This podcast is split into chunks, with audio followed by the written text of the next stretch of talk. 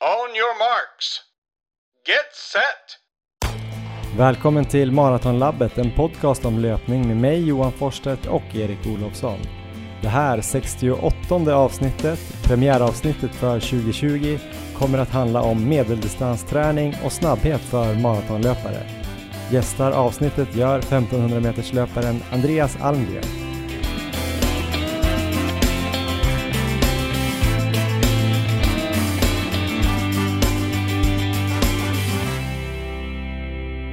Ja, ni ska vara varmt välkomna till det här avsnitt 68 som ju också är det första avsnittet på den nya säsongen 2020. Det känns eh, väldigt inspirerande att vara tillbaks i era öron. Eller vad säger du, Erik Olofsson? Ja, men det känns fantastiskt. Jag tror den här tredje säsongen kommer bli den bästa någonsin. Ja, både löpmässigt och eh, poddmässigt tror jag. Vi har ju satt upp väldigt hårda mål för eh, säsongen rent löpmässigt, men vi har väl ganska hårda mål även för podden. Vi vill fortsätta vara intresserade och nyfikna och ganska nördiga och eh, lära oss väldigt mycket mer om löpning och hoppas att vi kanske någon gång då och då kan vara lite inspirerande. I alla fall du Erik. Ja, det, det tror jag. Hur känns det då att eh, ha gjort de här 67 avsnitten då? Har du något favoritavsnitt till exempel? Eh, vilken bra fråga. Jag tror, jag tror vi har det bästa framför oss, men vi har ju har ju definitivt haft några favoriter. Styrkavsnittet verkar populärt. Ja, det har gått väldigt, väldigt bra. Jag tror det var avsnitt 65 med Fredrik Aronsson. Eh, folk köper kettlebells till höger och vänster, får vi rapporter om. Eh, gå in och lyssna på det om ni undrar hur ni ska bygga upp kroppen för att både bli mer tåliga mot skador och prestera bättre. Individualiseringsavsnitten är jag också väldigt stolt över. De var där i höstas nu 2019, ett med Christian Munt och ett med Mikael Mattsson. Sen har vi också gjort avsnitt om eh, volym, varför man ska springa mycket för att bli bättre, 10 kilometer, halvmaraton. Vad är det mer Erik? Kost, näring, eh, rörlighet. Vill man höra hur man inte ska göra under lopp också så har vi några race report som har eh, inte gått enligt plan. Så där kan man också lära sig en hel del tror jag. Men framförallt så känner jag att eh, säsong ett så var det som att vi lärde oss teoretiskt kanske hur man ska göra. Och sen säsong två försöka få ut det i praktiken och jag kände kanske först i slutet av förra säsongen att jag började få alla bitar på plats. Så nu i säsong tre ska vi bara skörda framgångar av allt vi har lärt oss. Det låter ju helt fantastiskt, måste jag säga. Och en annan grej som är fantastisk är ju att vi har ett fortsatt samarbete med Löplabbet även här under våren 2020. Eh, tacka mycket för att de vill fortsätta jobba med oss. De är med på tåget. Och eh, på tal om tåget så har vi också ett nytt samarbete med eh, SJ. Det kommer hända ganska mycket intressanta och spännande saker tillsammans med SJ här i vår också. Um, ja, jag ber om ursäkt för mitt pappaskämt här, eh, tåget där. men eh, jag är ju pappa numera. Eh, nej, men det känns jättekul att både Löplabbet och SJ vill samarbeta med vår podd och eh, som sagt håll öronen öppna för roliga erbjudanden och andra grejer som kommer hända. Då så Erik, då kanske vi ska kicka igång dagens avsnitt lite mer. Eh, först ska vi väl prata lite om vad som har hänt sedan sist och eh, då tänker vi ju sen bonusavsnittet som vi släppte här för uh, ungefär tio dagar sedan. Just det. Du har ju bland annat gjort din första 20 mila vecka någonsin, en riktig milstolpe, helt absurt mycket löpning. Hur fick du ihop en sån vecka? Ja, men det var lite pusslande. Det var ju också en vecka när jag hade Leon ganska mycket, så att jag fick ju springa väldigt mycket när han var på förskolan. Så det var mm. ju många så här dubbla distanspass när jag sprang, både morgon och eh, tidig eftermiddag. Och det var både på löpband och utomhus. Men sen så hade jag även tre stycken, eh, vad ska man säga, eller två stycken riktiga kvalitetspass och ett långpass som ändå gick i halvhyfsad fart. Eh, så det var väl mest löpning hela tiden tycker jag. Men eh, fys fysiskt har det känts bra, så att det är väldigt så överraskande att jag inte har känt mig mer sliten. Men däremot mentalt så har det känts att det har varit väldigt svårt att liksom få tiden att räcka till. Du har nästan känts lite stressad här i veckan. Ja, verkligen. Så eh, jag börjar känna att jag kommer upp nu på den volymen att, eh, att skulle jag springa mer än så här så skulle det vara svårt, alltså verkligen svårt att få till det praktiskt. Mm. Men du nämnde kroppen där lite grann. Eh, 20 mil åt ganska mycket. Jag sprang 8 mil förra veckan. Känner mig nog rätt sliten här i, i söndags. Jag har svårt att tänka ens hur jag skulle kunna mer än dubblera den volymen. Har du något tips? Ja, framförallt så eh, får man tänka lite under kvalitetspassen att man inte kanske springer slut på sig helt där. Så jag hade ju en dubbeltröskel bland annat som jag, och den dagen fick jag dessutom inte in så många timmar emellan, så jag tror jag bara hade tre timmar mellan passen, vilket ju är egentligen för lite. Så där fick jag köra lite snällare än vad jag kanske normalt gör. Ehm, sen så hade vi även ett, kanske det mest intressanta passet då på eh, hela veckan, det var ju när vi körde tillsammans. Just det, det händer ju inte så ofta. Nej, precis, men nu kom ju du till Uppsala och vi sprang ju här i, inne på IFU Arena. Tillsammans med eh, bonusavsnittets eh, gäst, eh, Carolina Wikström. Precis, så det var ju kan man säga veckans höjdpunkt i alla fall för mig. Ja, det var ett grymt inspirerande pass. Skönt att komma in och springa på bana, få ha lite mindre kläder och känna sig lite snabbare. Eh, vi hade Christian Munt som stod och klockade varven och skrek lite på oss och eh, Carolina bara trummade på, riktigt eh, snabb, stark maskin, verkade helt oberörd. Passet som då hon körde, sen gjorde vi lite varianter av det här, men hon körde 3 gånger 200 först ja. för att få igång kroppen lite antar jag. Ehm, sen och rekrytera lite muskelfibrer. Sen körde hon då fyra serier av två kilometer först i halvmarafart. Här var det 3.27 och sen var det två varv joggvila, alltså 400 meter. Ganska lugn joggvila. Eh, sen var det en tusing på 3.20 ungefär och så två varv joggvila då, gånger fyra och sen avslutade hon då när hon var ganska trött i benen med tre 200 Precis. Du var ju med i princip på passet som det skulle vara förutom att du körde tre serier istället för fyra. Hur kändes det? Jag hoppade in direkt från början och provade en sån här 200 Hon hade ju tre stycken innan de här långa intervallerna började. Och där kände jag väl redan efter en sån 200 att eh, håller jag på och springer i den här farten nu så kommer det bli jäkligt tufft både det här passet och med tanke på totalvolymen jag hade under veckan. Så att, eh, jag nöjde mig med en 200 där och skippade resten av 200 Men sen när 2 km drog igång så var vi ju båda med från början. Ja men precis, då hade jag ju lyckats få Elmer att somna. Han ja. var ju med, så han stod ju faktiskt bredvid där hela passet. Riktigt succéartad läggning faktiskt där. Eh, jag eh, gjorde ju dock om mitt pass, eller Christian gjorde om passet till mig för jag kände att jag inte skulle orka med eh, samma farter som er och jag ville inte springa liksom lite bakom hela tiden. Så jag sprang ju egentligen 400 rakt igenom. Ja. Så när ni körde en 2000 så körde jag ju 400 på, sen gick jag av eh, en 200 för er, så det blev ungefär 40 sekunders vila och sen hoppade jag på igen. Eh, så gjorde jag så. Så när ni sprang 2000 sprang jag 4 gånger 400 Ja. Eh, så ett varv själv fick jag ju då på slutet när ni hade gjort 2000. Och sen vilade jag medan ni sprang, så det var ungefär då kanske 50 sekunder till en minut innan ni hoppade på den här snabbare farten, tusingen. Och där blev det då två 400 för mig och så vilade jag mitt i där 200. Så totalt kom du upp i hur många 400 då? Ja, det blev väl 24 gånger 400. Ja. Helt orimligt nästan, men äh, jäkligt kul. Så 24 400 i farter mellan 3.20 till 3.27. Uh, eh, så det blev väl 16 i, i 3.27 fart och um, 8 i 3.20 fart, så snabbare än min milfart. Så det var bra. Ja. Sen fick jag ju lite längre vila då efter var sjätte. Precis. då hade, ju, då hade jag liksom två varvs joggvila mer och där stod jag still ibland.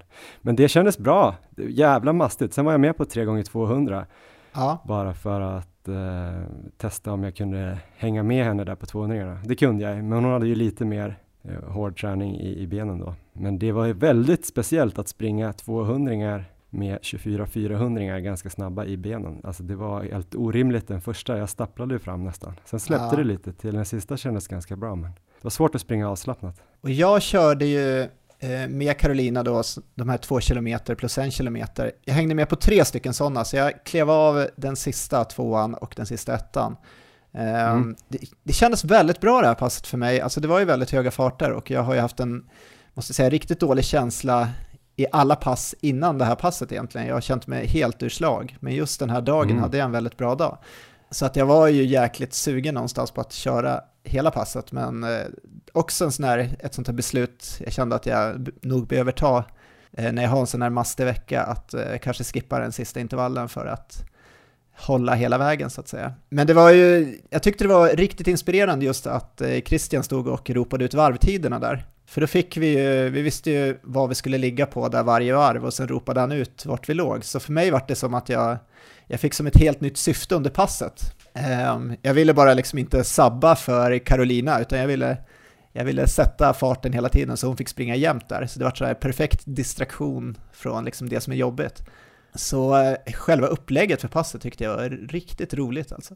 Ja, nej men man har ju oftast en bra dag när man kommer in i en eh, friidrottsarena och springer med några duktiga löpare tycker jag.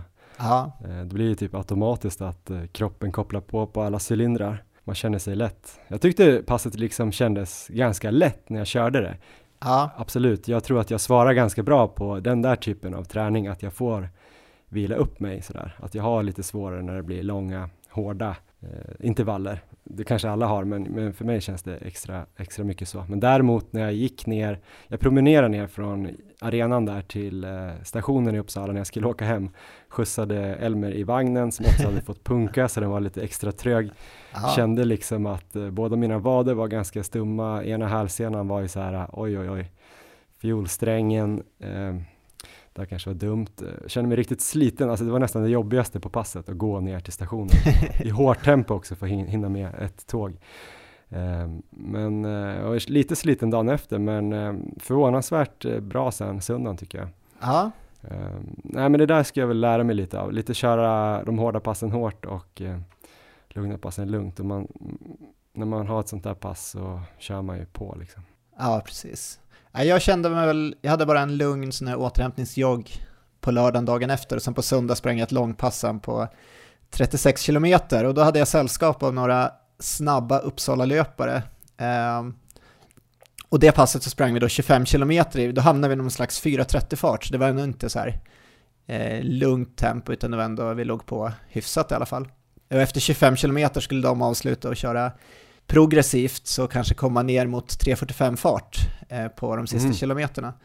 Ehm, och därefter 25 kilometer då så, så kände jag väl också att ja, det här, är- det här passet är väl egentligen ett ganska perfekt pass för mig att köra nu, men med tanke på hur mycket jag sprungit den här veckan kanske det är bättre att bara ehm, nöja mig här med 25 kilometer i 4.30 fart och eh, springa lugnt på slutet. Så det gjorde jag. Så det var lite det kanske som var nyckeln för att hålla en hel sån här vecka, just att man eh, Eh, försöker tänka lite smart under kvalitetspassen. Men sen så är det ju en fråga också vad som ger mest. Det kanske skulle ge mig mer att springa 15-16 mil en vecka och sen eh, bara köra alla kvalitetspass liksom all out, eller kanske inte helt all out men ändå lite mer då. Eh, så det är ju en fråga såklart, men eh, jag känner ändå att det är det som är intressant. Jag tror ju ändå på att en hög volym kommer ge mig väldigt mycket framåt Barcelona och jag har ju känt förut att när jag sprungit mina sådana här höga volymveckor så har jag ofta kommit i ganska bra form så eh, jag tror, jag tror ändå på det här upplägget. Det skulle vara intressant att ha en eh, Erik Olofsson-klon att eh, jobba med som man kanske kunde träna på ett annat sätt då. Vi har ju Ja. fått en del frågor, eller du har fått en del frågor kanske, Ja, på om du ska springa sådär mycket verkligen. 20 Mm. mil förra veckan, jag kan tänka mig om man bortser från lite så ultralöpare då, de som satsar på halvmara och mara och sådär i Sverige, det kan ju inte varit många ändå som sprang över 20 mil, eller vad tror du? Ehm, nej, det finns, det finns väl några, men många ligger ju, speciellt många som tränar kanske mer Canova-likt med mycket marafart och liknande, brukar ligga kanske på 17-18 mil. Och det är väl också Mm. min plan här nu in mot Barcelona, att de sista kanske 6-7 veckorna, då kommer jag nog gå ner lite i volym, så jag kanske ligger på runt 17 mil då, men där får in mer kvalitet. Så jag kommer ligga mer i min marafart, och, eh, men då tror jag inte att jag kan ligga på samma höga volym längre. Så det är ungefär den, den planen jag har framåt Barcelona. Men bara mellan tummen och pekfingret då, vad var procenten eh, intensivt och lugnt eh, på de här 20 milen? Om man räknar kanske från strax snabbare, snabbare än marafart och, eh, och uppåt versus långsammare än marafart. Ja, nej, men då är väl någonstans runt kanske 20, 25 kilometer kvalitet skulle jag säga, men då är det, då är det ganska höga farter ändå. Um, så och, lite mindre än det här 2080 tänket ja. att man har 20% intensivt och 80% lugnt. Precis. Det låter ju klokt ändå om man ska få in en sån där överjävlig lång vecka.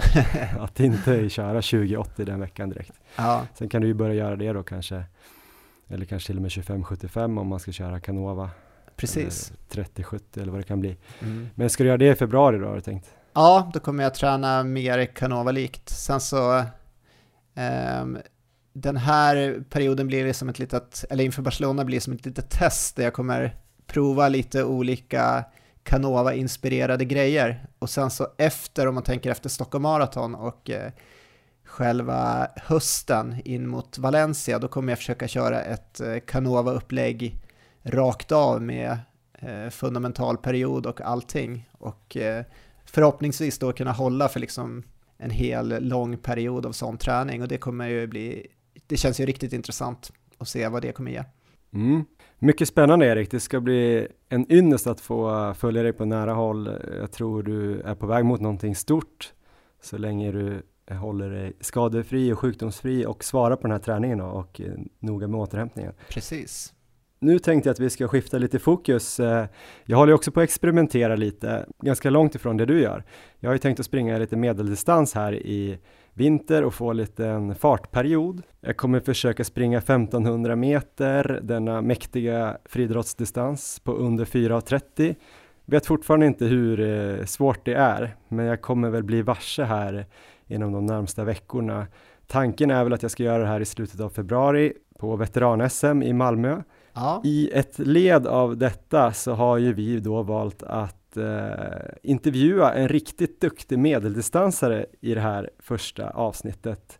Det kanske inte hör till vanligheterna direkt eftersom vi mest har siktat mot 10 kilometer upp till maraton. Men eh, det finns nog mycket spännande att lära även av eh, medeldistansare, speciellt om de är så nördiga och jäkligt duktiga som Andreas Almgren. Eller hur? Eh, Andreas som just slog igenom typ som 20-åring och eh, vann några 800 meters eh, SM-guld innan han haft lite skador. Satsar nu på 1500, är typ eh, bästis med Kalle Berglund kan man nästan säga. De verkar snacka väldigt mycket träning och nu ska Andreas Almgren få snacka väldigt mycket träning med oss i den här podden. Så varsågod Andreas Almgren. On your marks. Get set. Ja, då får vi välkomna Andreas Almgren till Maratonlabbet. Hur känns det att vara eh, i Maratonlabbet? Det känns eh, väldigt roligt att få vara här. Eh, tack för att ni ville ha mig. det var så lite så. Du, hur långt har du sprungit som längst? Kanske en följdfråga ska vara där i början. Eh, som längst är det nog 25 kilometer, lite drygt. Så jag har precis kommit in på andra halvan av maran kan man säga. Ja. Tror du att du kommer springa någon mara någon gång i, i livet i framtiden? Ja, jo, det, må, det måste jag göra. Jag har väl sagt lite på skämt att när man bestämmer sig för att lägga ner karriären ska man väl satsa lite hårt i något halvår till så man kan få en hygglig maratid. Vad tror du skulle vara rimligt då om du skulle få träna nu ett halvår säger vi? En liten bit under 2.30 tror jag kanske jag skulle kunna mäkta ur. Jag pratade med då Ulf Fridberg om det här för något år sedan eh, med Mustafa Mohammeds tränare bland annat. Och han var ju väldigt, så ja, bra bön eh, bra förhållanden. 2,22,5. det vet jag inte riktigt om jag håller med, men eh, ja, hyggligt bra skulle jag nog göra i alla fall. Ja, ja men det ska bli spännande att se. Vi får vänta, vi väntar några år då, får jag hoppas. Ja. Du slog igenom eh, 2014 på 800 meter, gammal fotbollsspelare som inte kom från ingenstans, men du vann väl två SM-guld på 800 om jag inte missminner mig. Mm, sen har det varit lite upp och ner. Du kan berätta lite själv. Eh, jo, jag spelade ju som sagt då fotboll fram tills jag, eh, till 2013 i AIKs akademi. Eh, så drog jag på mig en del skadebekymmer och bestämde mig för att nu ska jag satsa helt på löpningen. Eh, så tog det ett år där eh, och så tog jag då brons på junior-VM på 800 och kom ju till en eh, fjärde plats på inomhus-EM och lite sånt där. Eh, men sen 2016 då när man laddade för fullt inför OS i Rio bland annat så gick båtbenet i min högerfot av mitt under ett lopp. Mm. Och det blev ju operation och halvår utan löpning och en lång väg tillbaka.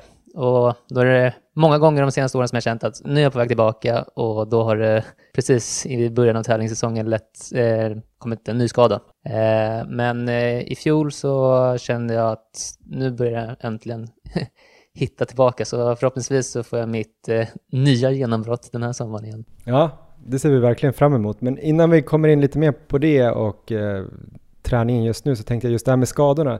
Det är ju någonting som man vill undvika som löpare. Det känns ju som kontinuiteten mm. är det alla pratar om. Har du analyserat varför de här olika skadorna kom? Ja, det är väldigt många analyser och väldigt många slutsatser och väldigt mycket förändringar. Ja, en del eh, bara kommer tillbaka helt enkelt. Men eh, man säger det är sällan som jag har fått en skada och sen så har det återkommit en skada på det stället. Så jag, flyttar runt dem. Jag har gått från eh, mellanfotsbenen i foten och vägen upp till höften nu. Så snart har jag liksom betat av underkroppen i alla fall. Så man får en eh, fraktur i armbågen sen, det ska väl klara att springa med ändå. Men eh, nu då, status bra. Dina kompisar, Kramer, mm. Kalle, Rogestedt jag har sett på bilder i Sydafrika. Du är här och kämpar i Stockholmsvintern. I och för sig Precis. ganska mild Stockholmsvinter. Ja. Eh, det var ju, jag hade en lite småstrul i höst med en skada eh, som eh, läkte fint, men jag var alltid lite så här, du kommer in i oktober, november, du har liksom börjat komma igång lite med löpningen, då är det alltid så här riskabelt. Ska jag boka det här träningslägret eller inte?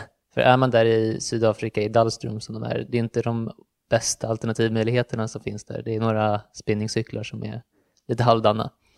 Eh, så jag kände att äh, men jag, det är bättre att vara hemma. Om det skulle hända någonting så har jag möjligheten till mina besöka mina fysios, har alternativträningen och allt sånt där.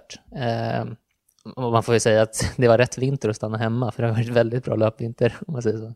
Men just nu så träningsmässigt funkar allt väldigt bra. Eh, uppe i full träningsmängd och har varit det ett par veckor nu. Eh, och fått de svar jag vill ha helt enkelt. Är det lättare att hålla sig i skinnet också om man inte är på läger? Jag tänker mig att sparringen på läger måste vara jättebra, att det är grymt inspirerande miljö och sådär, men kan jag också tänka mig att man blir lite så här carried away? Jo, det är, det är lätt att det blir lite så. Eh, det är alltid någon som är ute och springer mer eller mindre, så det är väldigt lätt att hänga på. Eh, och det är många från många olika nationer som mm. kör där. Eh, man har ju sett, de har ju Eh, kört en del exempel med Marcin Lewandowski där borta. VM 3 på 1500 meter, så han är ju rätt vass. Eh, så, här, så det är väldigt lätt att man kanske tar i lite mer än man egentligen borde. Och speciellt att vara hemma så tänk, kan man ju vara lite så här nej men jag, jag försöker ta det smart, jag tar ett pass på crosstrainer idag. Eh, men där borta så tänker man att nej, men ska jag springa på de här grusvägarna eller ska jag sätta mig i ett varmt gym på en dålig cykel? Och liksom, nej men jag kör löpningen, det kan inte skada. Och sen så blir det lite för mycket och så mm. kommer jag över gränsen. Så för min del känner jag att det, det passar bättre för mig att stanna hemma och sen så kan jag passa på då att beta av lite mer skola och sen så släpper jag lite mer till, höst, eller till vårlägret nu i USA istället. Träningen nu då? Du säger att det rullar på bra. Du är uppe i full volym. Vad innebär det? Eh, just nu så ligger jag på ungefär 15-16 mil i mm. veckan. Det blev väl 158 tror jag kilometer senaste veckan om jag inte minns helt fel. Eh, så det är väl ungefär där som jag tänkt att ligga nu i de kommande månaderna, eller månaderna. Och sen inför säsongen där eh, maj-juni så börjar jag sänka det lite. Vad innehåller en vanlig vecka nu då? Eh, så som måndagar så dubbeldist med lite eh, inslag av lite stegringar för att reta lite snabbhet. Tisdagar och torsdagar har blivit de här klassiska nu, dubbeltrösklarna. Eh, eh, onsdagen emellan där så också dubbeldist, lite styrka och sånt. Fredagar eh, lättare då, antingen en distans eller vila om jag skulle känna mig väldigt sliten. Lördagar backe plus distans och så söndagar långpass mm. styrka. Mm. Så det är en ganska klassisk vecka ändå, men eh, känner att det funkar väldigt bra. Eh, just att få in de här uh, trösklarna med väldigt mycket kontroll med laktatmätning är bra för min del. För det, annars är det lätt att det blir lite för hårt hela tiden. Men om vi går igenom veckan då. Idag två distanspass med lite stegringar, mm. inga större konstigheter. Ungefär en mil per pass eller? Ja, lite knapp mil på förmiddagen så en ja, mil där på eftermiddagen. Så blir det kanske en 18 kilometer eh, ungefär idag. Sen tisdagarna då, det är nästan dubbla tröskeldag, är lätta kilometerna drar iväg en del. Mm. Eh, så det är därför jag försöker hålla ner dem lite de andra dagarna. Skulle vi gissa på att en tisdag så brukar jag landa på ungefär 32 kilometer löpning. Och vad kör du då? Du kör på morgonen kör du ett, eh, ett pass, vilken tid? Alltså om verkligen nu Eh, Verkligen hårdanalyserar det här. Eh, men jag brukar börja värma upp någonstans runt halv nio, kvart i nio ofta. Och då är det som vi kallar låglaktatströskel. Eh, ska försöka ligga under 2,5 millimol. Eh, oftast är det någon form av 5 till 10 minuters intervaller Ja. på en eh, löptid på ungefär 30 minuter totalt. Okej, Så det kan vara 6 gånger 5 minuter, 3 gånger 10 eller om man kör lite mer kanske 4 gånger 8 minuter eller något sånt där. Eh, Eftermiddagen på tisdagar brukar ju vara klassiskt ras av 10 gånger 1000, en minuts vila. ja, Och det brukar jag köra framåt klockan fem då. just Kanske. Och då var det lite högre laktat. Mm, då brukar jag försöka ligga på runt 3,5 nu. Jag har kört 2,5 där tidigare också under vintern, men nu har jag börjat vänja mig vid att köra dubbeltröskeln, så då börjar jag gå över lite mer mot höglaktatströskeln som vi brukar kalla det, som är 3,5. Ja, Så då brukar det bra, som sagt. Den är kortare, med lite kortare intervaller så brukar jag ha då den lite högre laktatet. Så tusingar 3,5. Hur tycker du att det, alltså det här laktatet relaterat till, jag vet inte om du springer med puls också och Mm. farten, alltså tycker du att det är väldigt olika från dag till dag? För jag lyssnade på, jag tror det var Kalle som berättade att, eller om det var hans tränare Janne som sa att i, samma puls kan ge olika laktat samma dag och sådär. Ja, absolut. Eh, det är stor skillnad både förmiddag och eftermiddag och eh, från dag till dag. Ja. Eh, så just att springa tröskel och bara följa pulsen är, för min del hade varit rätt meningslöst nästan. Det är så pass? Ja. Ja, man kan säga att ehm, det är eh, extra tydligt om man kör till exempel på löpband när det verkligen har tydligt sådär. Eh, man kan säga jag kan eh, ha kanske åtta slag högre på eftermiddagen med samma laktat som jag har på, på förmiddagen. Så den stora skillnaden är att du kan springa med högre puls men lägre laktat på eftermiddagen så du behöver pusha dig lite mer för att komma upp till rätt laktatnivå. Just det. Så pulsmässigt är det väldigt stor skillnad om du kör 3,5 på eftermiddagen eller 2,5 Mm. på förmiddagen. Då blir det, kan det nästan Precis. bli 15 slag skillnad. Ja, man kan säga, eh, brukar kanske vara uppe på, för min del, och det är väldigt individuellt om man är, men eh, ligga på kanske 157, 156 på morgonen. Och sen på, eh, när jag kör tröskel på eftermiddagen med tusingar, då kan jag vara nästan strax under 170. Mm. Så det är, det är en stor skillnad.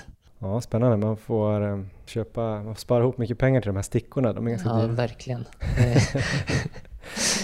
Eh, ja, så onsdag dubbeldistans igen. Torsdag dubbeltröskel. Är det samma pass liksom? Är det Förmiddagen är lite samma sak, 5 till eh, 10 minuter. Eh, eftermiddagen så är det 400 eh, 20 till 25 stycken Mm. ungefär. Beroende lite på dagsform och känsla och fräschhet och allt sånt där.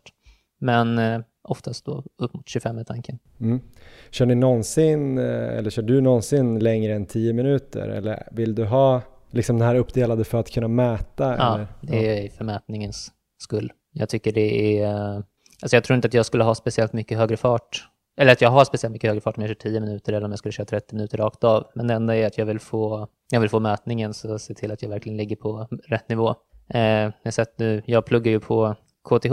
Jag har sett att de har utvecklat någon form av prototyp som ska kunna mäta laktatet i realtid. Okej. Eh, så det är någonting som man börjar bli väldigt intresserad av. Det var ju skönt att slippa de här sticken. Hur skulle det funka? Om jag förstår det rätt så är det någon form av ljusdiffraktion när de skickar in ljusvågor i, ja, i blodkärlen då liksom. Så kan Mm. de kolla hur mycket eh, avvikelse blir och då kunna då eh, mäta det hur mycket laktat det är i blodet. Mm. Det kanske är framtidens pulsklocka då? Absolut. Lördagen där kör du lite backe. Vad är det för typ av backe? Det kvalitet? Eh, just nu så brukar vi köra ungefär 15 gånger 300 meter. Kommer väl variera lite. Eh, ju längre närmare säsong och sånt man kommer så kan det bli kanske lite mer, eh, lite kortare. Eh, runt 200 meter något sånt. Eh, men just nu så har vi som väldigt tydlig fokus att bygga uthålligheten och styrkan där. Så då är det 300 som gäller just nu. Mm. Så det är mer styrka än snabbhet? Ja, verkligen. Jag känner ju nu när jag har, har varit 800 meters löpare och sen så ska jag gå över mer och mer mot 1500 nu så är det ju framförallt uthållighetsbiten som jag behöver. Mm. Eh, så det är lite också därför som jag inte kommer tävla, eh, eller i alla fall spela, tävla speciellt mycket inomhus, utan det är verkligen ha basen, bygga den så att jag förhoppningsvis kan ta en ny, ett stort kliv nu i sommar. Mm, vi ska gå framåt det här snart, men Mm. sista passet då, söndagar, långpass. Ja. Vad är ett långpass för en 1500 meters löpare? Eh, 20 till 25 kilometer brukar det vara. Eh, de senaste veckorna har jag legat på 25. Mm. Eh, har en lite lugnare vecka den här veckan så då kommer det väl landa ner mot 20. Så det är där jag ligger. Eh, och sen på eftermiddagen där så brukar jag ha mitt lite tyngre styrkepass med lite mer eh, skivstång och lyft och allt sånt där. Vad lyfter du då? Eh, det är knäböj, frivändningar, eh, några väldigt lätta ryck, lite explosivitet, eh, lite olika hopp och eh, lite explosivitetsövningar just för att reta lite andra muskelgrupper och så. Mm. Kör du ett lite tyngre, mer eh, specifikt, eller mer genomarbetat styrkepass och sen Ja. fyller du på med Ja. små grejer eller? Precis, det stora styrkepasset då är på, på söndagarna. Sen så har jag väl kanske tre pass i veckan i övrigt. Tre, fyra pass med stabilitet och bålstyrka och sånt där. Just det. Distansfart, skiljer det ofta mycket från pass till pass eller?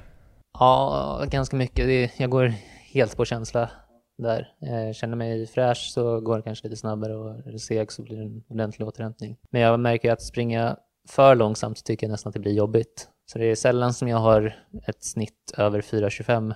Oftast skulle jag säga att det är runt 4.10 Ja. kanske. Långpassen brukar gå 4 blankt ungefär. Ja.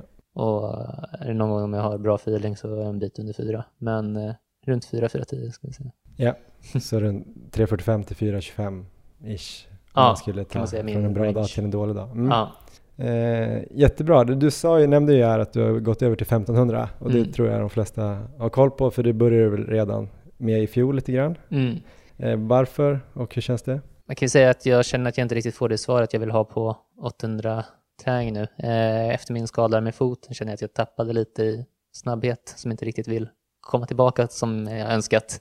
Du börjar bli Eh. gammal. Ja, precis. Det är, det är snart vandringskäpp. Nej, men eh, så jag hade fortfarande tanken på 800 den här säsongen eh, och att 1500 skulle vara liksom som ett kliv över till 800 som ett sätt att vänja sig vid, vid syran. Men sen när jag väl kom till de här 800-loppen så kände jag att jag ändå inte riktigt fick ut det jag ville och då började jag något ner lite mer på 1500 där jag ändå då kände jag att jag gjorde ganska bra lopp utan att egentligen vara tränad för det på det sättet.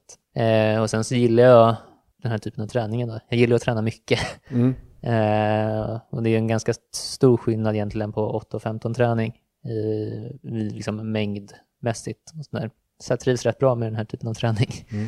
Vad är den största skillnaden då om du går igenom 800 mot 1500? Eh, jag ska väl framförallt säga att det har med liksom typ snabbhetens betydelse. Ja, Ifall man går på riktigt hög nivå. Eh, Man kan säga att ska du springa en riktigt, riktigt snabb 800-tid, då måste du kunna passera första 400 på 50 blankt Ja. ungefär. Och då behöver du ha en väldigt bra 400-tid för att det ska kunna kännas bekvämt. Så här, även om du har väldigt bra uthållighet så kan du inte springa på 50 första varvet om du har 49 som pers. Det är, nej, nej. det är för nära. Så det måste du nästan vara ner mot 46, 46,5 i alla fall. Och jag känner att just den delen har inte jag riktigt. Jag hade bra snabbhet när jag, var, när jag satsade där mot 800, men den finns inte riktigt där just nu. Men för 1500 så är det ju istället då extremt mycket uthållighet. Mycket mer än vad man tror. Om jag bara säger för mig själv så 28 på en 200 låter ju ganska långsamt. Eh, för liksom, allt är ju relativt. Men gör man det sju och en halv gång, då har du sprungit 3.30. Så då handlar det ju om att ja, du ska vara så pass uthållig att du bara kan göra 28 oberört, mer eller mindre. Ja, men en 28 tror jag kanske att jag skulle kunna fixa med lite träning och en bra dag. Aha. Så jag har bara 6,5 kvar. Det vore en skräll. Ja, men träningen då, då? Du sa att det var stor skillnad och att du gillar det här uthålliga mer. Mm. Var, var det mer sådana här äh, pass som man då kanske tänker medeldistans att du ska gå och, spy efteråt och sådär eller? Eh, Inte vid den här tiden Nej. på året kan man säga, men eh, jag har väl haft lite då kanske att jag har kört ett tröskelpass i veckan och när jag körde då, om man säger då runt 2015 så tröskeln då, det var inte med kontroll med laktat utan jag var ju förmodligen säkert runt 8-9 i laktat på den där för jag tyckte det kändes okej ändå, men alldeles perfekt. Eh, Och sen så två gånger i veckan körde jag väl eh, någon form av intervallpass. Eh, ena gången kanske det var tuffa långa intervaller, 25 till 30 minuters löptid ungefär. Man Mm. kan säga ja, men, 10 gånger 1000 hårt eller 8 gånger 1000 eller 6 gånger 5 minuter. Men allting liksom hårt. och sen ett pass i veckan var kanske ja, men 15 gånger 400, 15 gånger 300 eller den typen. Mm. Då sprang man ju sig trött på alla intervallpass. Eh, så jag kan ju säga nu att springa 16 mil i veckan men göra det med kontroll är ju mycket, ja, jag känner mig mycket fräschare av det än att köra 11-12 mil i veckan men hårda intervallpass. Sliter mycket mer. Mm. Men den här uh, nya typen av träning, är det en, någon skiftning egentligen där med alltså, att man kanske inte springer sig slut på uh, typ två, tre gånger i veckan utan man mer har en uh, högre volym och kontrollerat och kan få in mer total belastning så att säga. Är det liksom något nytt eller har det alltid varit så? Eh, på 1500 Jag kan ju inte säga att jag har jättekoll på hur det var förr i tiden, men jag skulle säga att det är en ganska stor skiftning jämfört med hur det var liksom när jag kom in i landslaget. Eh, för då var det inte många som tränade på det här sättet. Eh, men jag märker ju ganska tydligt liksom att jag får ju många kilometer i veckan i rätt bra kvalitet med bra fart eh, utan att jag blir alltför sliten. Um, så för min del känns det som att det är väldigt bra. Men hur var det när du klev in då i landslaget ungefär? Men då var det ganska liknande. Uh, man skulle köra hårt på intervallpassen och man, man hade ju mycket, eller hygglig mängd liksom, men det var inte många, vad jag förstod i alla fall, uh, man säger 15 meters löpare kanske, som sprang så mycket som en del gör nu. När jag kom fram, jag tror att jag, jag skulle kunna räkna mina 10 mila veckor på en hand. Okay. Uh, det var inte mycket mängd då. Men eh, just då på 800 så har ju snabbheten då en annan betydelse. Så jag, det är framförallt de senare åren som jag börjat kolla lite mer på hur, hur 1500-träningen är också. Jag tänker bara lite, om man kollar lite så planeringen över året, vi pratar grundperioden nu, mm. liksom när skiftar det över, om säsongen börjar i juni?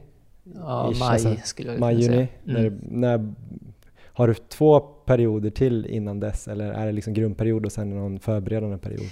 Um, jag har en... Och hur skiftar jag, ni? Ja, jag har en grundperiod skulle jag säga med ganska liknande träning nu egentligen fram till eh, början av april skulle jag nog tänka. Um, där någonstans kommer jag då, då introducera lite mer vad säger, banpass som närmar sig 1500 fart. Mm. De första passen kommer ju inte vara att jag bombar ut mig men det är liksom börja springa 300 på 43 kanske, som då ska kunna vara ungefär 1500 fartaktigt. Yeah. Och sen gå vidare därifrån. Jag brukar vara en sån som brukar väl behöva ett, åtminstone ett tufft pass innan jag känner att jag är ordentligt igång tävlingsmässigt. Men det kommer ju inte, det kommer dröja ett tag innan det är dags för det. Vad kan ett tufft pass vara? Eh, man säger, när det har varit 800 då har det varit alltså 3 gånger 500 med 10 minuters vila. Det är, det är klassiskt när fast när jag är extremt trött. Men jag tänker på, för mig nu till 1500 skulle det kunna vara 10 gånger 400 med en minutes vila. Eh, trycka på den ganska hårt. Eller kanske en stege, 1000, 800, eh, 600, 400, 300 eller något sånt där. Eh, men någonting där man får springa mer tävlingsfarten och springa sig ganska trött. Eh, brukar behöva göra kanske en vecka innan någon tävling. Just det. Men sen eh, när man börjat vänja sig igen vid mjölksyran då kan man ofta leva på att man bara tävlar. Så får man nya injektioner och behöver inte ja, träna på det under, ja, under träningspass utan då kan man fortsätta med att bibehålla uthålligheten och lite snabbhet och sånt där. Men då har du egentligen, när du har gått över då där efter fyra och en halv månad mm. någonting, så har du den här lite mer specifika perioden, eller där du börjar introducera mer fart. Mm. Är det, det är bara en månad, det blir kanske bara mm. Fyra, fem pass och sen blir det här stenhårda passet och sen är det igång. Men det är lite så här som jag känner, jag och Kalle till exempel, vi pratar ju väldigt mycket. Vi snackar väldigt mycket träning och allmänt sådär. Och eftersom både är övertygade just om att eh, uthålligheten är så extremt avgörande mm. för 1500 så är det känslan att om du bara vänjer dig lite med själva farten så kommer du inte behöva så mycket banträning, kan man säga, för att kunna springa hyggligt bra på 1500. Lite skillnad på 800 där du måste ha mer av den här äh, till exempel öppningsfarten. Det är så här, om du inte har, om du bara kör massa uthållighet, sen helt plötsligt ska du öppna 25 blankt första 200, då blir det en chock. Mm. Eh, Medan det inte är eh, samma steg att gå in och springa 1500. Så då mm, brukar det kunna räcka med ett par pass och sen är man rätt, rätt okej igång. Nu har ju vi haft det här maratonlabbet och vi har ju satsat på maraton eh, och sprungit mycket halvmaraton och mm. millopp och sådär. Men jag har ju alltid känt att det vore kul att testa springa lite fort för jag tror att jag har lite mer fallenhet för det egentligen. Eh, jag ska springa 1500 här om, Yes. vad är det nu, bara sju veckor tror jag. Så det är ju ganska kort. yes. Jag har ju missat, eh, men jag, man kan ju säga att jag har haft en grundperiod nu på två år. Mm. jag har byggt bra. uthållighet. Det är väl eh, Henrik Ingebrigtsen sa väl det någon gång, det var kanske mer 5000-inriktat i alla fall. Någon som Ja. sa, men det här är väl ett viktigt 5000-pass i alla fall. Ja, Nej, men det viktigaste 5000-passet, det är tre års kontinuitet. Så, Ja. så det är ju, Ja, men man har väl någon typ av grund i alla fall. Men eh, jag skulle gärna vilja springa under 4.30. Det är ju en siffra som, det är inte taget ur luften, men det är ju tre fart. mm. Mm, Jag gör milen på eh, 35-36 tror jag. Vad ska jag göra de här sju veckorna, tänker du? Eh, Har du någon koll på vad motionärer borde göra? Eller är det så att det är så mycket elit så att? Ehm, Har du kompisar som springer som är på en annan nivå? Så att, Jag har lite klasskompisar som ska springa Stockholm Marathon. Men det jag kan jämföra med är att första gången jag sprang 1500 meter, det var 13. Och då tror jag att jag sprang 4.32. ja. Så eh, jag tror att det ska absolut vara möjligt för din del. Men då är det liksom om du har byggt den här uthållighetsgrunden, då, kanske, då handlar det ju mer förmodligen om att vänja sig lite mer vid, vid farterna helt enkelt. Mm. Men det är fortfarande det är sju veckor. Då behöver man, man behöver ju inte bomba syra liksom. Eh, utan eh, det kan ju vara så att man en gång i veckan då kanske introducerar att ja, men, springa till exempel 300 ungefär i tänkta tävlingsfarten Mm. Med kanske en minuts vila. Och hur många 300 gör man på ett pass då? Eller man kan bygga upp det. Men... Ja, eh, kan köra en 10 till 15 Ja. stycken ungefär. Eh, behöver inte göra alla på en gång. Du kan köra kanske två gånger sju eller två gånger sex eller två gånger fem eller något sånt där. Mm. Eh, jag hade väl det som, kommer ihåg något pass i våras som liksom en liten sån här övergångs. Eh, då körde jag två gånger sju gånger 300 med en minuts vila och fyra eller om det var fem minuter seriepaus. Mm.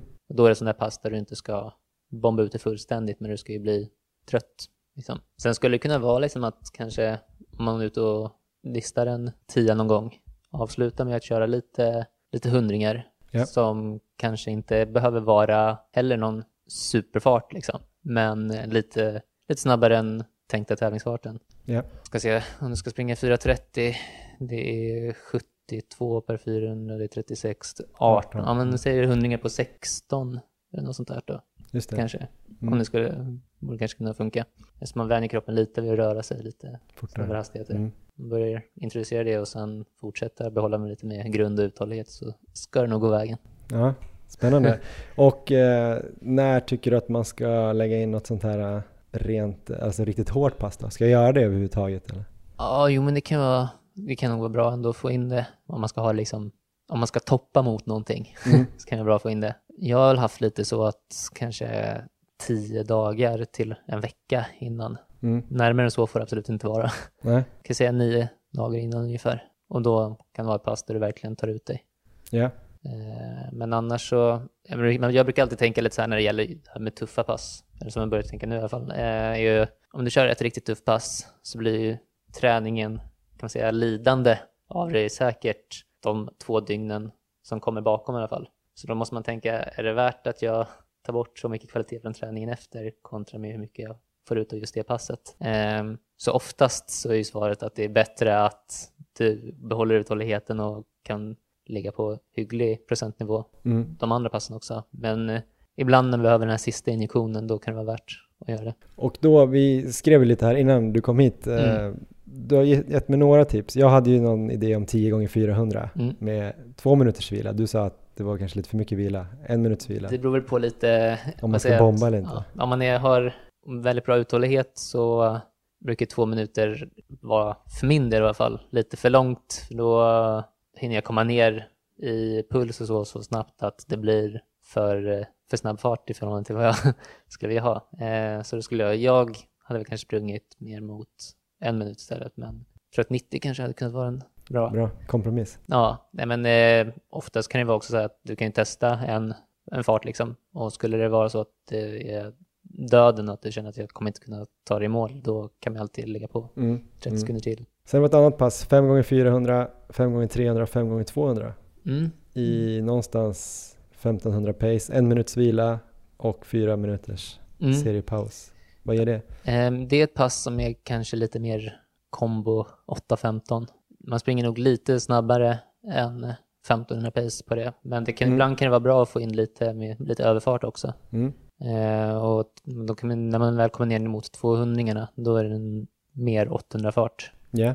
När jag satsade på 800 så körde jag ibland lite 400 meters pass också. Just för att ibland är det bra att få in den här lilla överfarten. Mm. Så det är också ett pass som, som jag körde en gång i somras, eh, som jag tycker om väldigt mycket. Sen ett pass som du, en stege som du tipsar om, Mm. som först lät eh, inte så hård, men det beror ju på hur man gör de här. Mm. Det var ju 1000 meter, 800, 600, 400, 300, 200. Men sen såg jag i vilan att det var 6 minuter, Mm. 5 minuter, 4 minuter, 3 minuter, 2 minuter. Då fattar jag att jag ska gå ganska Mm. hårt på den där tusingen om jag ska vila 6 minuter sen. Ja, du kan ju tänka att du mer eller mindre ska ha 1500 fart Mm. på den. Mm. Och att du bara springer då 500 meter kortare. Ja. Eh, så då är det ju väldigt tufft. Eh, när du springer väldigt trött på en sån där första intervall och sen ska du försöka hålla fart. Jag körde ju någon gång i somras eh, med, jag skulle börja med 3 gånger 800 med 5 minuters vila. Mm. Och då liksom hyggligt kontrollerat första och sen så skulle jag gå väldigt hårt den andra. Så då hade jag till exempel en 800 där mitt i som var sub en 54, Mm. en 53 alltså. Och när du ska ställa dig på banan sen igen och köra en till 800 snabbt där, då, det tar emot. ja, den tredje var sådär eller? Eh, ja, alltså fortfarande, det var kanske i paritet med vad jag hade första intervallen ungefär. Men eh, den var bra mycket jobbigare än den första var, om man säger så. Mm. Men det där sista passet jag räknade upp, är det ett sånt pass som skulle kunna vara ett nio dagar innan? Mm. Ja, man ska se. Det är en sån pass som kan toppa rätt ordentligt. Och då vet man om det här 4.30 målet kommer vara rimligt. Om jag inte klarar tusingen, då kanske det blir svårt. Så Det är svårt att säga. Jag bestämde mig för att jag ska nog satsa på 1500 andra halvan av juli förra året. Så jag, jag har inte supermycket erfarenhet just eh, 1500-mässigt och 1500 pass eh, på det sättet. Men eh, det är framförallt att det kan bygga en del självförtroende om det skulle gå vägen. Och sen så många gånger så när man ska gå och köra ett tufft pass, det går ju inte riktigt att frammana samma typ av eh, adrenalin som du skulle ha i en tävlingssituation sen. Så jag har haft några gånger som jag bara tänker, när jag sprang 800 då, typ 2015, så var det ju, det var väl en vecka innan jag skulle göra min säsongsdebut. Eh, så skulle jag springa mer eller mindre maxad 600 och hade, hade den på 1.18 någonting. Och jag kände att ah, det här var väl kanske inte vad jag hade hoppats på. Så det tog, det tog en vecka, så var i tävlingssituation. Och sen passerade jag 600 på 1.18 och en halv. Kände att jag är fräsch. Eh, så det, det kan hända väldigt mycket bara att man har gjort passet och sen att man hamnar i rätt situation. Så man ska ju, man ska ju ta varje alltså, träningsresultat med en nypa salt. Mm. Men jag tänker distanser lite, alltså längre distanser som vi har sprungit, då känner man ju lite att en tumregel är att om man fixar halva distansen i rätt fart på träning så har man ganska bra chans ändå Ja. på loppet sen. Jo, Så jag tänker om man ändå nosat där på en tusing så mm. Vet man vad, vad det innebär lite grann. Ja, skulle du passera tusen på tre och du är helt färdig så det kanske det kan vara lite tufft kanske. Ja, det kommer bli tufft mentalt. Ja, men det var det jag hade egentligen. Eh, Snabbt eh, för dig då, vad är målsättningarna det här året och hur ser du på framtiden?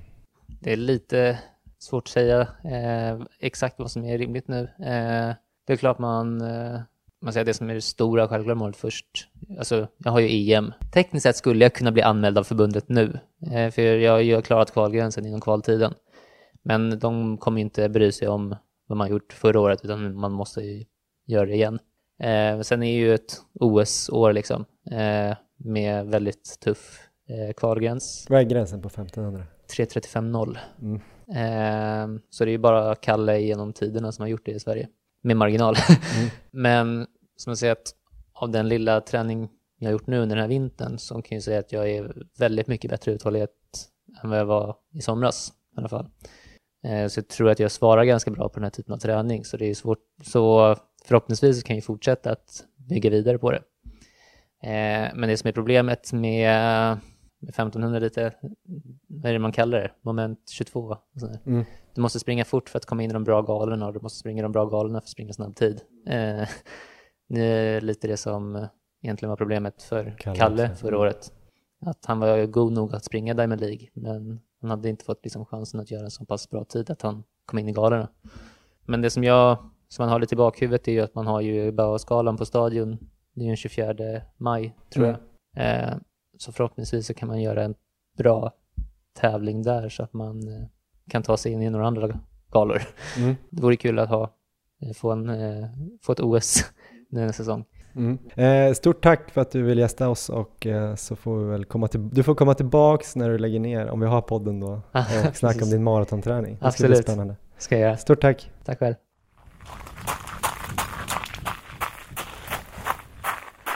Ja, ett varmt tack till Andreas Almgren som ju var väldigt öppenhjärtig och eh, pratsam. Han gillar ju verkligen eh, löpning märker man. Ja, Vad eh, tänkte du kring intervjun? eh, men först kände jag att eh, Andreas är den perfekta gästen för Maratonlabbet. Jag kände redan när, ni, när du och han hade en lite sån här Instagram-konversation. Jag tror du ställde någon fråga till honom där via något meddelande och fick så här ett väldigt långt och utförligt svar. Eh, Så redan där kände jag att det här är ju helt perfekt för din kommande satsning. Och det var ju helt, helt riktigt. Den här intervjun tycker jag var, eh, trots att den var lång så var den liksom, gick snabbt att lyssna på och superintressant. Ja, vad kul. Ja, Jag tyckte också att han var den perfekta gästen. Han verkar ju väldigt intresserad av löpning och Ja. eh, otroligt sympatisk och ödmjuk. Så jag hoppas att eh, ni hejar på Almgren i vår här då och så att vi förhoppningsvis får två 1500 meters löpare till OS. Det finns väl en liten, liten chans när man lyssnar på honom att han skulle kunna knipa en plats, även om det kommer bli hårt. Det tror jag, just det här nya upplägget med mycket dubbeltröskel, alltså som, det är ju, Kalle började köra det förra året och eh, svarade otroligt bra på det. Och sen gick det ju väldigt, väldigt bra i VM, så att det finns väl ingen anledning att Almgren inte också ska kunna göra det. Ja, Han verkar väldigt eh, positiv och optimistisk. Eh, Jag tyckte det var spännande där när vi pratade om dubbeltröskel. Man fick ju väldigt bra inblick i hur de gör, för han eh, pratade med mig dels i intervjun men även efteråt och innan där om att han och Kalle har ju väldigt nära kontakt. Och det här upplägget är ju i princip exakt det som Kalle körde i fjol på under grundsäsongen i alla fall. Att Ja. köra två dubbeltrösklar, backe fredag eller lördag och sen ett långpass på 20-25 kilometer eh, på söndagen. Man fick ju höra där att de kör väldigt strikt det där äh, 2,5 millimol på förmiddagen och eh, 3,5 millimol på eftermiddagen. Jag tänker att laktatmätningen börjar bli den nya pulsmätningen nästan Erik. Vad tänker du kring det? Ehm, verkligen, jag hoppas ju mycket på det här som eh, Andreas berättar i intervjun från KTH om den här, den här nya innovationen där man kanske ska kunna mäta utan stickor. Det Mm. vore ju helt magiskt om det kommer. För jag känner ju fortfarande att det är liksom, för mig personligen är det lite för krångligt att eh, köra laktatmätningar tyvärr. Ja. Eh, hur känner du inför det nu? Känner du att du kommer mäta laktat under dina pass eller hur är din plan framöver? Jag har haft med den där på några pass redan eh, och eh, testat lite och tycker ju att det är lite kul men det är också lite mäckigt eh, att dra fram den där när man är själv och hålla på att sticka sig i fingret och blöda och det ser ju kanske lite märkligt ut på gymmet också om man inte är van men det kan man ju skita i såklart. Ja, Däremot så känner jag väl lite om man är ute och springer så här eh, om man bara är ute på en eh, runda, om man har en två kilometers runda och ska köra den här 2,5 millimols tröskeln, typ norska tröskeln, så är det lite svårt att liksom ha något ställe då där den ska ligga eller om man ska dra fram den ur fickan och hålla på och, och mecka med det där. Men eh, absolut skulle det vara kul att kanske mäta en gång per pass i alla fall så man ligger något sånär rätt ja, och lite kul att så här, äh, analysera bara flera variabler. Vi tycker ju att det är kul att vara lite nördiga och tycker att det är kul med input som puls eller laktat eller vad det nu kan vara. Sen kan man ju såklart skita i det och bara gå på någon sorts eh, upplevd ansträngning, borg eller liknande, RPE. Så jag vet inte, det finns ju många olika variabler nu som man kan mäta efter fart, eh, borg, puls, laktat. Men om puls då skiftar så himla mycket från pass till pass mot laktatet så känns det som att puls eh, kanske inte är så lätt att gå efter. Jag vet inte, hur kör du dina dubbeltrösklar? Kör du att du mäter efter puls och sänker hastigheten om du går för högt eller kör du bara på din fart som du har tänkt och dunkar på oavsett hur det ser ut? Jag kör ju för det första, försöker ju få så eh, lika förutsättningar som möjligt så att jag kör alltid samma löpband eh, så att jag har exakt, eh, exakt samma förutsättningar där. Eh, sen så går jag ju Dels, jag går egentligen bara efter fart kan man säga, men jag har ju koll på pulsen så om den skulle spåra ur helt då får jag ju anpassa där. Men det kanske blir att jag springer kortare sträckor eller delar upp det istället. Om jag kanske tänkte springa 8 km rakt av, då kanske jag, om jag har en dålig dag där pulsen sticker iväg, att jag delar upp det i intervaller istället. Mm. Eh, sen så skriver jag ner borgskala, upplevd ansträngning då efter varje pass och eh, jämför med det dessutom. Men eh, laktat har jag ju inte mätt någonting. Däremot tycker jag att du ska göra det. Jag tycker det är perfekt här för maratonlabbet om du börjar köra laktatmätningar på dina dubbeltrösklar. Så du kanske får dela upp det, du kanske inte ska köra så många då, även om jag sagt det förut att jag tycker att du ska köra eh, dina dubbeltrösklar eh, som i block och kanske inte dela upp dem så mycket, så kanske just för laktatmätningen då göra som Almgren och eh, dela upp det i eh, kortare än 10 minuter sa han va? Men ja, allt för konsten Erik, jag kanske ska börja mäta varje pass. Ja. Jag tror att det framförallt är viktigt ju när man kör så här pass mycket tröskel, att de kör fyra pass blir det då, två dubbeltrösklar i veckan. Då är det kanske ännu viktigare att man inte går över gränsen. Jag kommer väl till en början nu köra en gång i veckan, du kör väl en gång i veckan? Ja. Och så kanske köra en annan kvalitet måndag eller tisdag så kommer jag köra här på torsdag och så lugnare långpass här på helgen och eh, då kanske det inte gör lika mycket om man går över lite där på torsdagen som om man skulle ha ett eh, nytt dubbeltröskel två dagar senare. Men eh, nej, det ska bli intressant att, att börja kolla lite på det där och sen tror jag också att man kommer kanske hitta känslan då lite när man har 3,5 millimol och 2,5 millimol, om man ja. ofta mäter, för jag, man känner ju känslan lite grann när man börjar komma upp eh, runt mjölksyratröskeln och får svårt att transportera bort laktat, det har väl alla känt när man börjar stumna sådär och då kan man ju kanske ha känslan att man när man kommer upp i 4-5 millimol, men just att lära sig känna 2,5 kan vara intressant om man kan. Eller hur? Så kan du skriva ner borgskalan också, där på Strava. Ja, precis. Ja, nej, men det var väldigt spännande och eh, jag ska försöka applicera lite av den här träningen på min egen träning här nu fram till eh, och med februaris slut här har jag tänkt. Eh, lite fundersam på hur mycket fart jag ska slänga in redan nu. Eh, enligt Andreas där så de hittar ju sin tävlingsform ganska snabbt.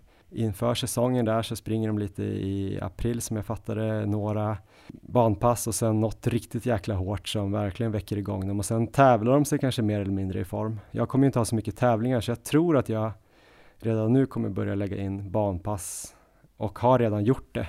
Ja. Um, så jag vet inte, vad tror du Erik? Behöver jag lägga in dem nu eller ska jag bara jobba uthållighet kanske två, tre veckor till och sen bara köra två, tre veckor fart? Det tror jag är ett bra upplägg, men jag tror, ja, mycket dubbeltröskel nu, definitivt. Ehm, men sen in mot ditt lopp då, ditt huvudmål. Jag tycker ändå du ska försöka få in något lopp innan där, som kanske ligger tio dagar om det är möjligt, på vad det nu kan vara för distans. Ehm, du får leta runt helt enkelt, för jag tror just det där med att tävla sig i form, det kände jag själv bara på 10 kilometer under hösten här, att eh, jag sprang i Hässelbyloppet först och sen tio dagar efter sprang jag Eh, på bana i Uppsala och eh, just att få den där första genomkören av ett lopp, jag tror det ger väldigt mycket till, till det andra loppet. Så om du kommer till ditt huvudmål nu och inte har kört något riktigt race innan så, eh, så tror jag inte det är helt perfekt, utan vi får försöka hitta något innan. Mm. Ja, men min plan är lite att jag ska springa ett 3000 meters lopp eh, första februari i Sollentuna. Jag tror det är studenterna som ordnar Vinthundsvintern. Just det. Eh, så där blir ju test att springa tävling på bana, alltså det är min andra tävling på bana då, första inomhus i 200 meters varv. Så där blir det väl lite koll på hur man gör helt enkelt. Jag kommer väl ha någon ambition att gå under 10. Jag vet inte om jag kommer gå all out, eh, men eh, det kommer man väl kanske göra när man drar på sig tävlingsgrejerna. Men jag kommer inte lägga så mycket vikt vid resultatet, men det kommer nog bli en väldigt bra läropeng. Sen får vi väl se då, kanske två veckor senare där om jag kan lägga in någon tävling och folk får ja. gärna tipsa om de har någon inomhustävling i närheten som, jag har lite dålig koll fortfarande men jag ska försöka hitta någon inomhussäsongskalender. Sen har jag väl också tänkt att köra det där passet som Andreas tipsade om, eh, att han tyckte att jag skulle köra kanske nio dagar innan, där man då skulle köra en tusing på tävlingsfart på 1500 fart eh, och sen vila nästan liksom, vad var det, sex minuter. Just det. Och sen köra hårda, en hård 800 och så neråt 600, jag kommer inte ihåg exakt vad det var, om det var 400, 300, 200. Eh, och då kanske ha en riktigt bra hare med mig så att det blir lite tävlingslikt och verkligen köra slut på med det passet. Ja. Så det ska jag försöka planera in. Um, ja, men det ska bli jäkligt spännande. Jag fick ju en hel del bra nycklar här. Jag var faktiskt och testade ett pass igår, men det kan ha varit det vidrigaste vädret som jag har sprungit i på typ fem år. Ja. Jag vet inte hur det var i Uppsala, men det var liksom här i Stockholm var det full storm, spöregn, det blåste liksom 10 sekundmeter från någon sida och det kom så här byar också. Så var jag sprang på en bana, jag hade med mig Elmer som somnade på vägen dit. Eh, ja. Återigen en succésövning. eh, men när jag skulle dra igång 400 jag, var, jag, jag blev aldrig varm. Alltså, var, nej, jag vet inte. Jag hade uppvärmning, jag hade sprungit 3,5 kilometer dit och körde lite löpskolning och lite kortare grejer. Men jag vet inte. Första höll jag farten andra intervallen så i bortre kurvan så kom jag liksom runt. Det kändes ganska bra dit, men där bara kom det en sån vindby som var, jag vet inte, någon typ av storm. Eh, det kändes som att jag stod helt still. Det kändes som att jag var den mest bredaxlade löparen i världshistorien och tog all vind. Alltså jag, det var som att jag trycktes bakåt. Helt sjukt. Jag fick så mycket syra, kämpade mig ändå in där och tänkte så här, ja men det kanske ändå var typ eh, rätt fart, men då var det typ tre sekunder långsammare än första direkt. Sen fick jag bara grisa på tills Elmer då vaknade. Jag hörde också där i bortre kurvan hur skrek ett barn typ 200 meter bort, eh, så då fick jag liksom ta hand om honom. Ja. Så jag fick inte till 200 eh, men jag körde 4 gånger 400 och 4 gånger 300 i hyfsat snabba farter. Så ja, det finns att jobba på. Ja, men det, det ska bli spännande att följa. Jag tror på dig Johan. Ja, nej, men jag tycker det är lite kul att testa det här upplägget där jag kör lite kortare grejer nu, få in lite fart, bygger vidare upp mot 5 och 10 kilometer i vår, sen upp mot halvmara i sommar och sen en maraton i Valencia. Men Erik, du håller ju redan på att träna till maraton, kommer inte kanske springa så mycket dedikerade korta lopp, även om jag har hört att du varit lite sugen på att kanske ställa upp i någon tävling här i, i vinter. Ja. Men vad tror du om eh, typ eh, medeldistansträning för eh, ja, maratonlöpare, halvmaratonlöpare, typ sådana som lyssnar på den här podden? Är det viktigt att springa lite fortare en period för att få upp snabbheten eller är det uthållighet man ska bara sikta på? Nej, men jag tror det är viktigt att få in lite sån träning och jag vet inte om det är just i perioder utan det kan man nog eh, lägga in ganska regelbundet och eh, jag tänkte ta fram eh, ett, ett pass som brukar kallas för ett magiskt pass här. Och det var nästan samma pass som du körde här när vi sprang med Carolina. Och det är ju just 20 gånger 400 meter. Ehm, jag läste ett blogginlägg här av en man som heter Michael Joyner. Han är före detta långdistanslöpare och eh, väldigt känd idrottsforskare. Och han menar just att det här passet då, när man springer cirka 20 stycken 400 meters intervaller, att det inte bara är den liksom fysiska utmaningen, utan att passet är optimalt på ett mer så här spirituellt och filosofiskt plan. ja, det kände jag faktiskt ja. där i IFU Arena. Fan vad djup jag blev. så just det här att liksom att eh, starta och vara tvungen att stanna så många gånger, att det kräver liksom någon slags hyperfokus. Så att eh, det är möjligt att komma in i någon slags eh, meditativ rytm.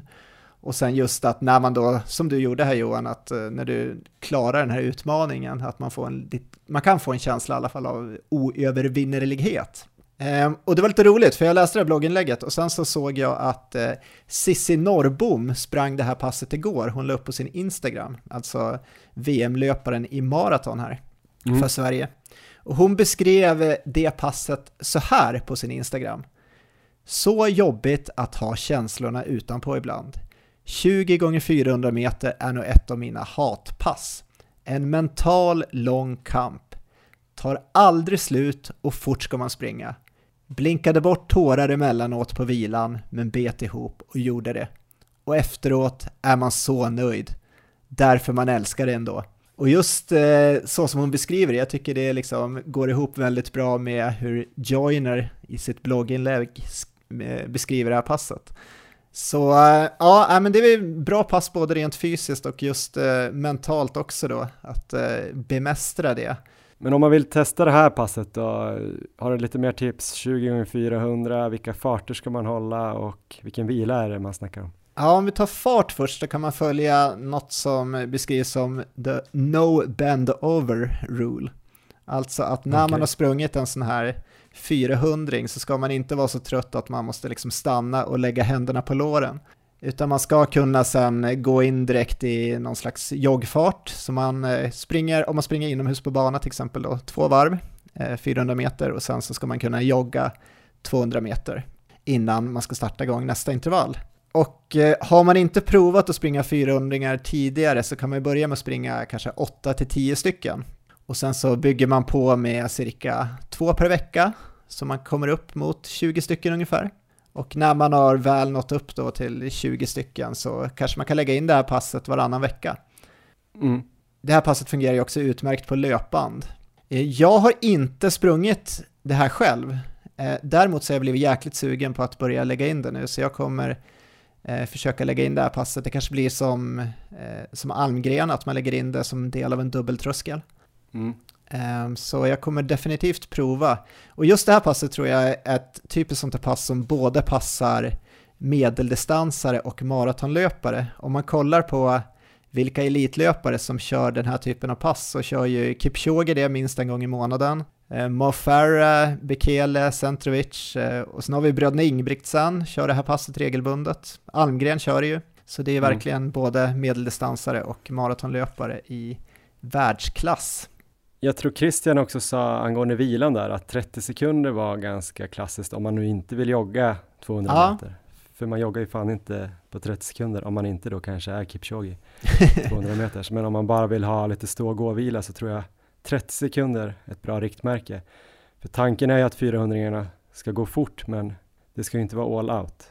Man kan ju tänka att man kanske siktar där någonstans på 10k fart eller lite snabbare. Man kan ju också köra lite progressivt så hittar man nog rätt ansträngning. Ja, så beskriver Joyner också här i sitt inlägg att man kan börja med kanske de första 10 i någon slags eh, 10k-fart, sen gå ner på de nästa fem i någon slags 5k-fart och sen har man eh, krafter kvar så kan man försöka öka lite progressivt de sista fem. Ett annat tips är också att göra lite som jag fick göra då. Jag hade ju väl eh, sex stycken och sen blev det ju då en lite serievila. Man kan ju också Just dela det. upp det i att man kör kanske, ja, alltså man börjar med 10 och sen bygger man på till 12. Sen kanske man kör så här 15 men då kör man kanske 3 gånger 5 så man kör 30 sekunders vila eh, men kanske två minuters serievila eller något. Så är det också lite lättare man kanske inte blir lika poetisk då som Cissi Nordbom på Instagram efter passet men det kan ju vara ett sätt att eh, få till lite fler och sen kan man börja ta bort de här serievilorna så har man ju byggt på det på ett bra progressivt sätt liksom. Men det är alltså ett pass som du tror funkar både för medeldistansare och maratonlöpare. Det här med dubbeltröskel då Erik, eh, som ju då kanske främst används av medeldistansare men det var ju många svenska maratonlöpare i alla fall som sprang dubbeltröskel även i fjol och kommer göra det i år. Du är en av dem. Ja, Vad tror du om dubbeltröskel för, för alla? Eh, Alltså personligen så tror jag ju på det. Jag kände ju att jag fick en väldigt bra, jag körde ju dubbeltröskel hela förra året och kände ju att jag fick väldigt bra utveckling av det. Ehm, Det känns som medeldistans är det väldigt tydligt att det ger bra effekt, men eh, just, just vad det ger för maraton känns ändå lite så här, lite oklart. Ehm, Min personliga känsla är ju att det ger massor, men Eh, Det blir ju intressant kanske när det kommer lite mer forskning på just det här. Det lär väl komma framöver. Om man ska göra det så måste man ju se till då att det är ganska mycket volym för annars tappar man kanske anledningen att göra det. Ja, Eh, Du är ju ändå uppe på 2 gånger 10 ganska ofta ja, och det fattar man ju att det är ganska svårt att köra 20 km i tröskel på ett pass.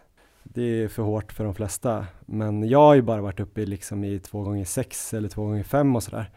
Och då är det ju fortfarande som att jag borde ju nog tjäna på att göra det på ett pass. ja, Men när man börjar komma över det där så då blir det nog lite eh, mer skonsamt att göra det och ungefär samma effekt. Men samtidigt om jag tänker att jag ska bygga för halvmaraton sen, ja, då kanske det är ganska bra att få till eh, pass, eh, tröskelpass som är 15 kilometer i tröskel och sådär. För det blir ganska likt eh, och specifikt för en maraton. Då kanske det är Definitivt. bättre att köra ett eh, ordentligt redigt eh, tröskelpass istället för att dela upp det. Men sen kan man ju tänka att man kör måndag ett riktigt ordentligt långt tröskelpass och sen torsdag kör man två kortare trösklar men där det ändå blir 15-16 på dagen.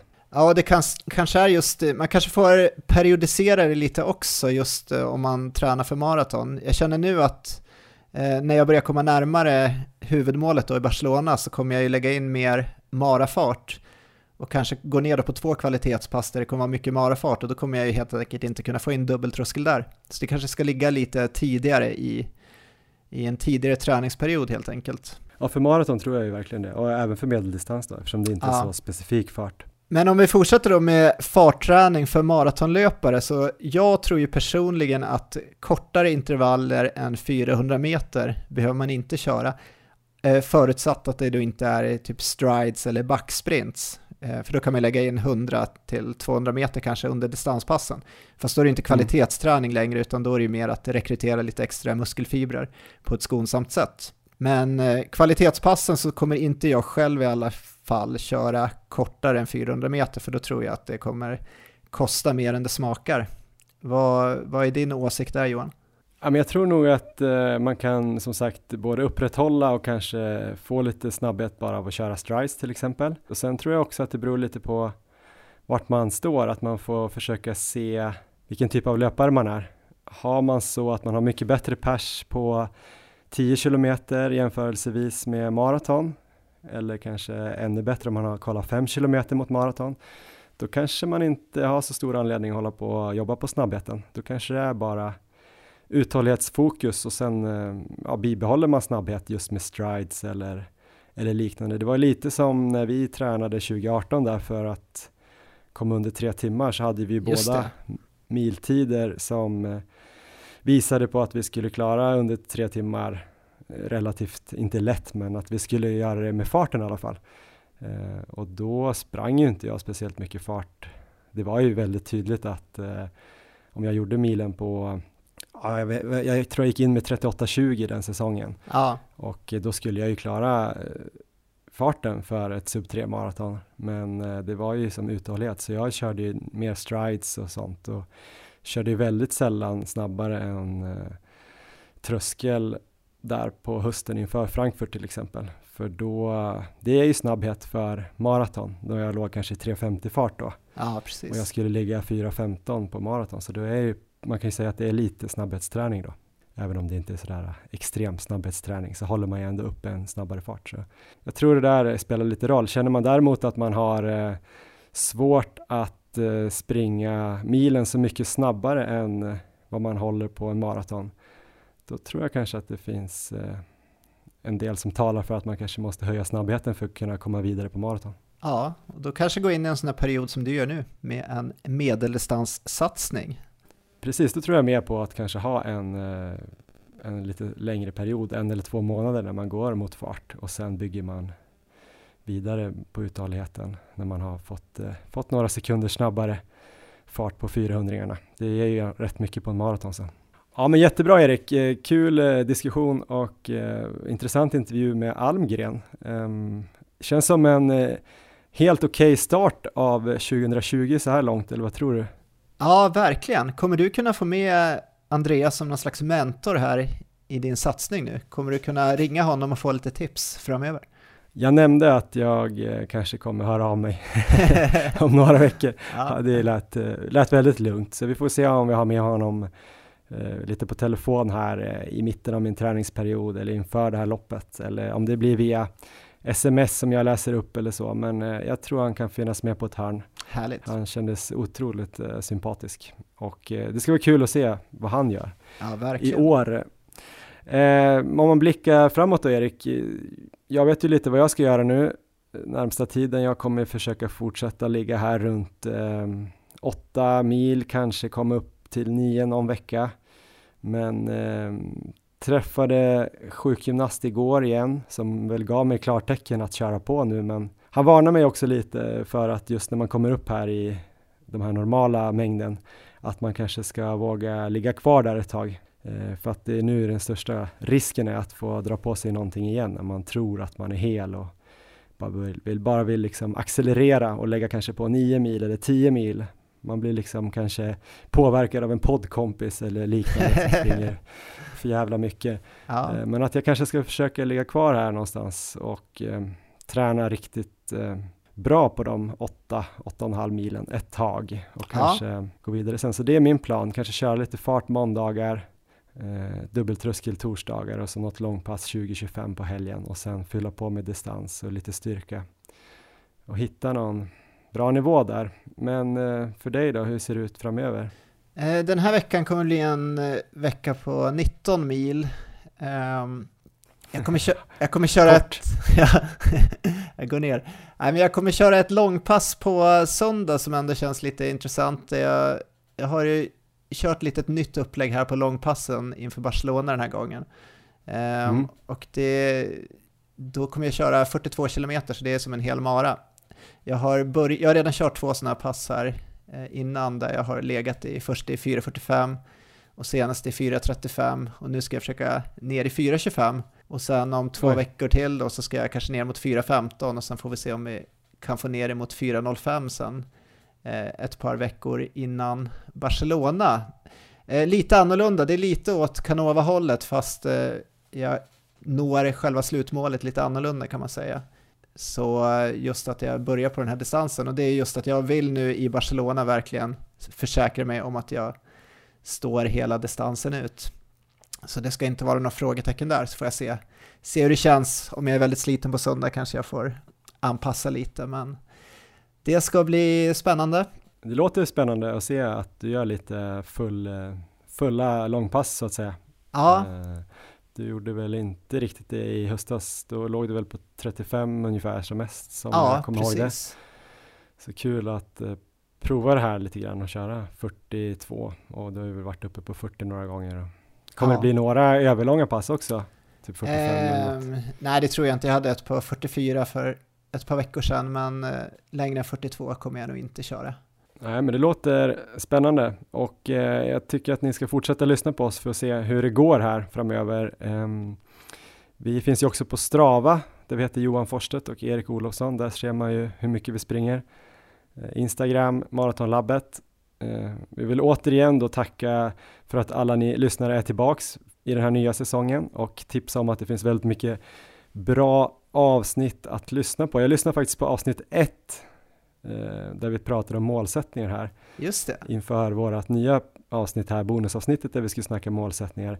Jag var beredd på att eh, skämmas en hel del.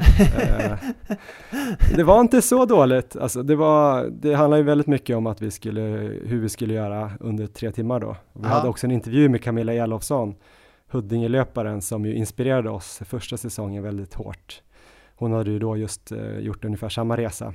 Just det. Eh, jäkligt bra, bra på att snacka var hon. Det var ja. väldigt spännande. Det var inte så hemskt, så att jag tror att man kan om man gillar det här avsnittet så tror jag man kommer gilla de flesta andra också. Ja. Eh, det finns väldigt mycket kunskap där ute bland våra gäster, så framförallt tipsar vi om det. Ni kan hoppa över vårt skitsnack om ni vill. eh, vi vill tacka SJ och Löplabbet och vi är väldigt taggade på att få berätta mer om de här samarbetena längre fram. Ni får höra mer eh, framöver helt enkelt. Ehm, ja, det är väl det vi skulle säga i det här avsnittet och eh, tack Erik också att du är med oss även 2020 och kul att du försöker spränga dina gränser. Tack själv Johan. Vi hörs eh, om två veckor. Yes, kör hårt.